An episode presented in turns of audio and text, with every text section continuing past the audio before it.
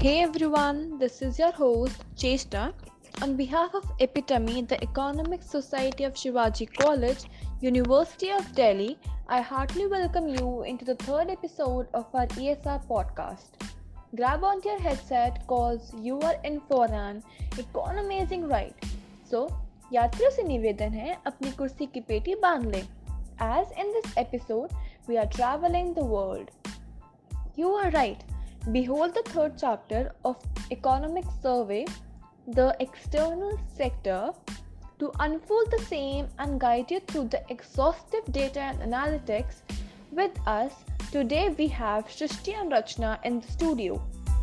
Hello there, folks. This is Shrishti, majoring in economics from Shivaji College. And this is Rachna, currently pursuing economics honors from Shivaji College. For starters, Shrishti can you briefly explain us what exactly the external sector in an economy incorporates? Yes, of course. This particular component of the economic survey addresses how India is dealing with the rest of the world within the global economic environment. The international transactions comprises two components First of them being the current account, which maintains the imports, exports, and invisible transfers such as services, income transfers, etc. On the second account, that is the capital account, it records investments, loans, and banking capital. This all sums up for what is famously called the balance of payment account. So, Balance of payment is simply a balance sheet of India with the rest of the world. Speaking for the economic year 2021 to 22, isn't it commendable that the BOP stood in surplus even in and after the unpredictable times of pandemic? Indeed. Although after being hit in multiple ways, India managed to grow out of the slump known as COVID-19 pandemic. The external trade recovered mighty on both the fronts, import and export and not forgetting the strong capital inflows that India saw, which not only financed the modest current account deficit but also led to rapid accumulation of foreign exchange reserves, making India the fourth largest forex reserve holders in the world. Before we go any further, may I ask what exactly are foreign exchange reserves? Foreign exchange reserves are assets of any country which includes foreign currencies mostly also bonds, treasury bills, and other government securities. Since all international transactions between nations are settled in US dollars, these assets support our imports. Most importantly, forex reserves are needed for backing the exchange rate and influencing monetary policy to maintain liquidity in case of any economic crisis. Then, does that mean the US doesn't need to maintain forex reserves because its currency is already dollar? Not necessarily, that's not true. The US does have foreign exchange reserves. They are in the form of treasury bills, foreign denominated bonds such as euro or gold, and even some in dollars. They keep some dollar reserves because in times of deflation, that is reduction in money supply, they sell the dollar bonds to other countries in return of gold, which increases the liquidity of dollar all over the world. But this is true as long as dollar is the most demanded currency in the world. Whoa, this sure did clear some of my doubts. Now, Rachna, could you elaborate more on the current account deficit that we experienced this year as you earlier mentioned? If you notice the past trends in our economy, you would realize that balance of trade in India is generally negative. Reason being the dependency on fossil fuels. Even this year, the current account balance turned into a deficit of 0.2%. But current account deficit is not necessarily harmful. It could occur during a period of inward investment. This inward investment can create jobs and opportunities. But does that mean it has to remain this way? Of course not. That being said, the government is currently investing considerably on building renewable energy resources. Well, leaving this discussion for chapter 6 that is sustainable development and climate change, let's move further. That being said, Although the deficit has always existed, even so, we cannot ignore how the export pattern has been and also how several sectors have seen growth and potential to contribute more to the economy. We absolutely can't ignore that.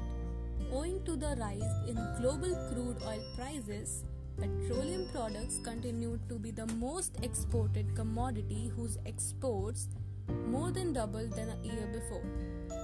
And due to increased demand for staples during the COVID 19 pandemic, India's agriculture exports continued to do well in 2021 22, backed by an effective agricultural export policy.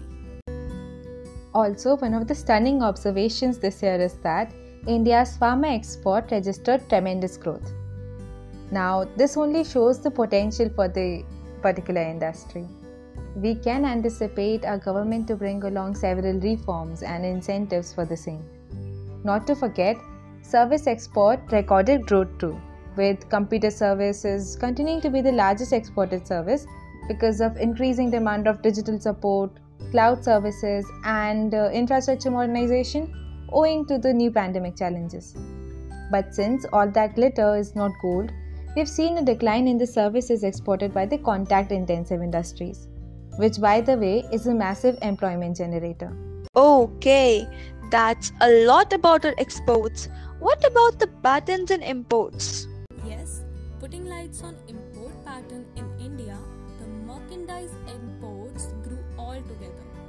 And among major import commodities, crude petroleum imports more than double compared to last year and continues to be the highest imported commodity. And surprisingly, gold imports registered a sharp rise on the account of strong festive and export demand and favored by drop in international gold prices. Interesting. What can you tell us about major importing nations? Among the top 10 countries for import origin, China, UAE, and USA were the top import sources for India in 2021. Switzerland, which was ousted last year from top 10 sources of India's import, bounced back at the sixth position. And Indonesia, the second biggest source of crude palm oil, remains to be one of top 10 suppliers of India. That was about merchandise imports only. We didn't stop there. We also imported business services that have the largest share in service imports. But merchandise trade balance is one component of balance of payments account. What about transfers and capital account balance? Yes, BOP doesn't end just yet, you know. In the first half of 2022, the net private transfers, mainly representing remittances by Indians employed overseas, grew by 7.2%. India continues to be the largest remittance recipient country and has been so since 2008.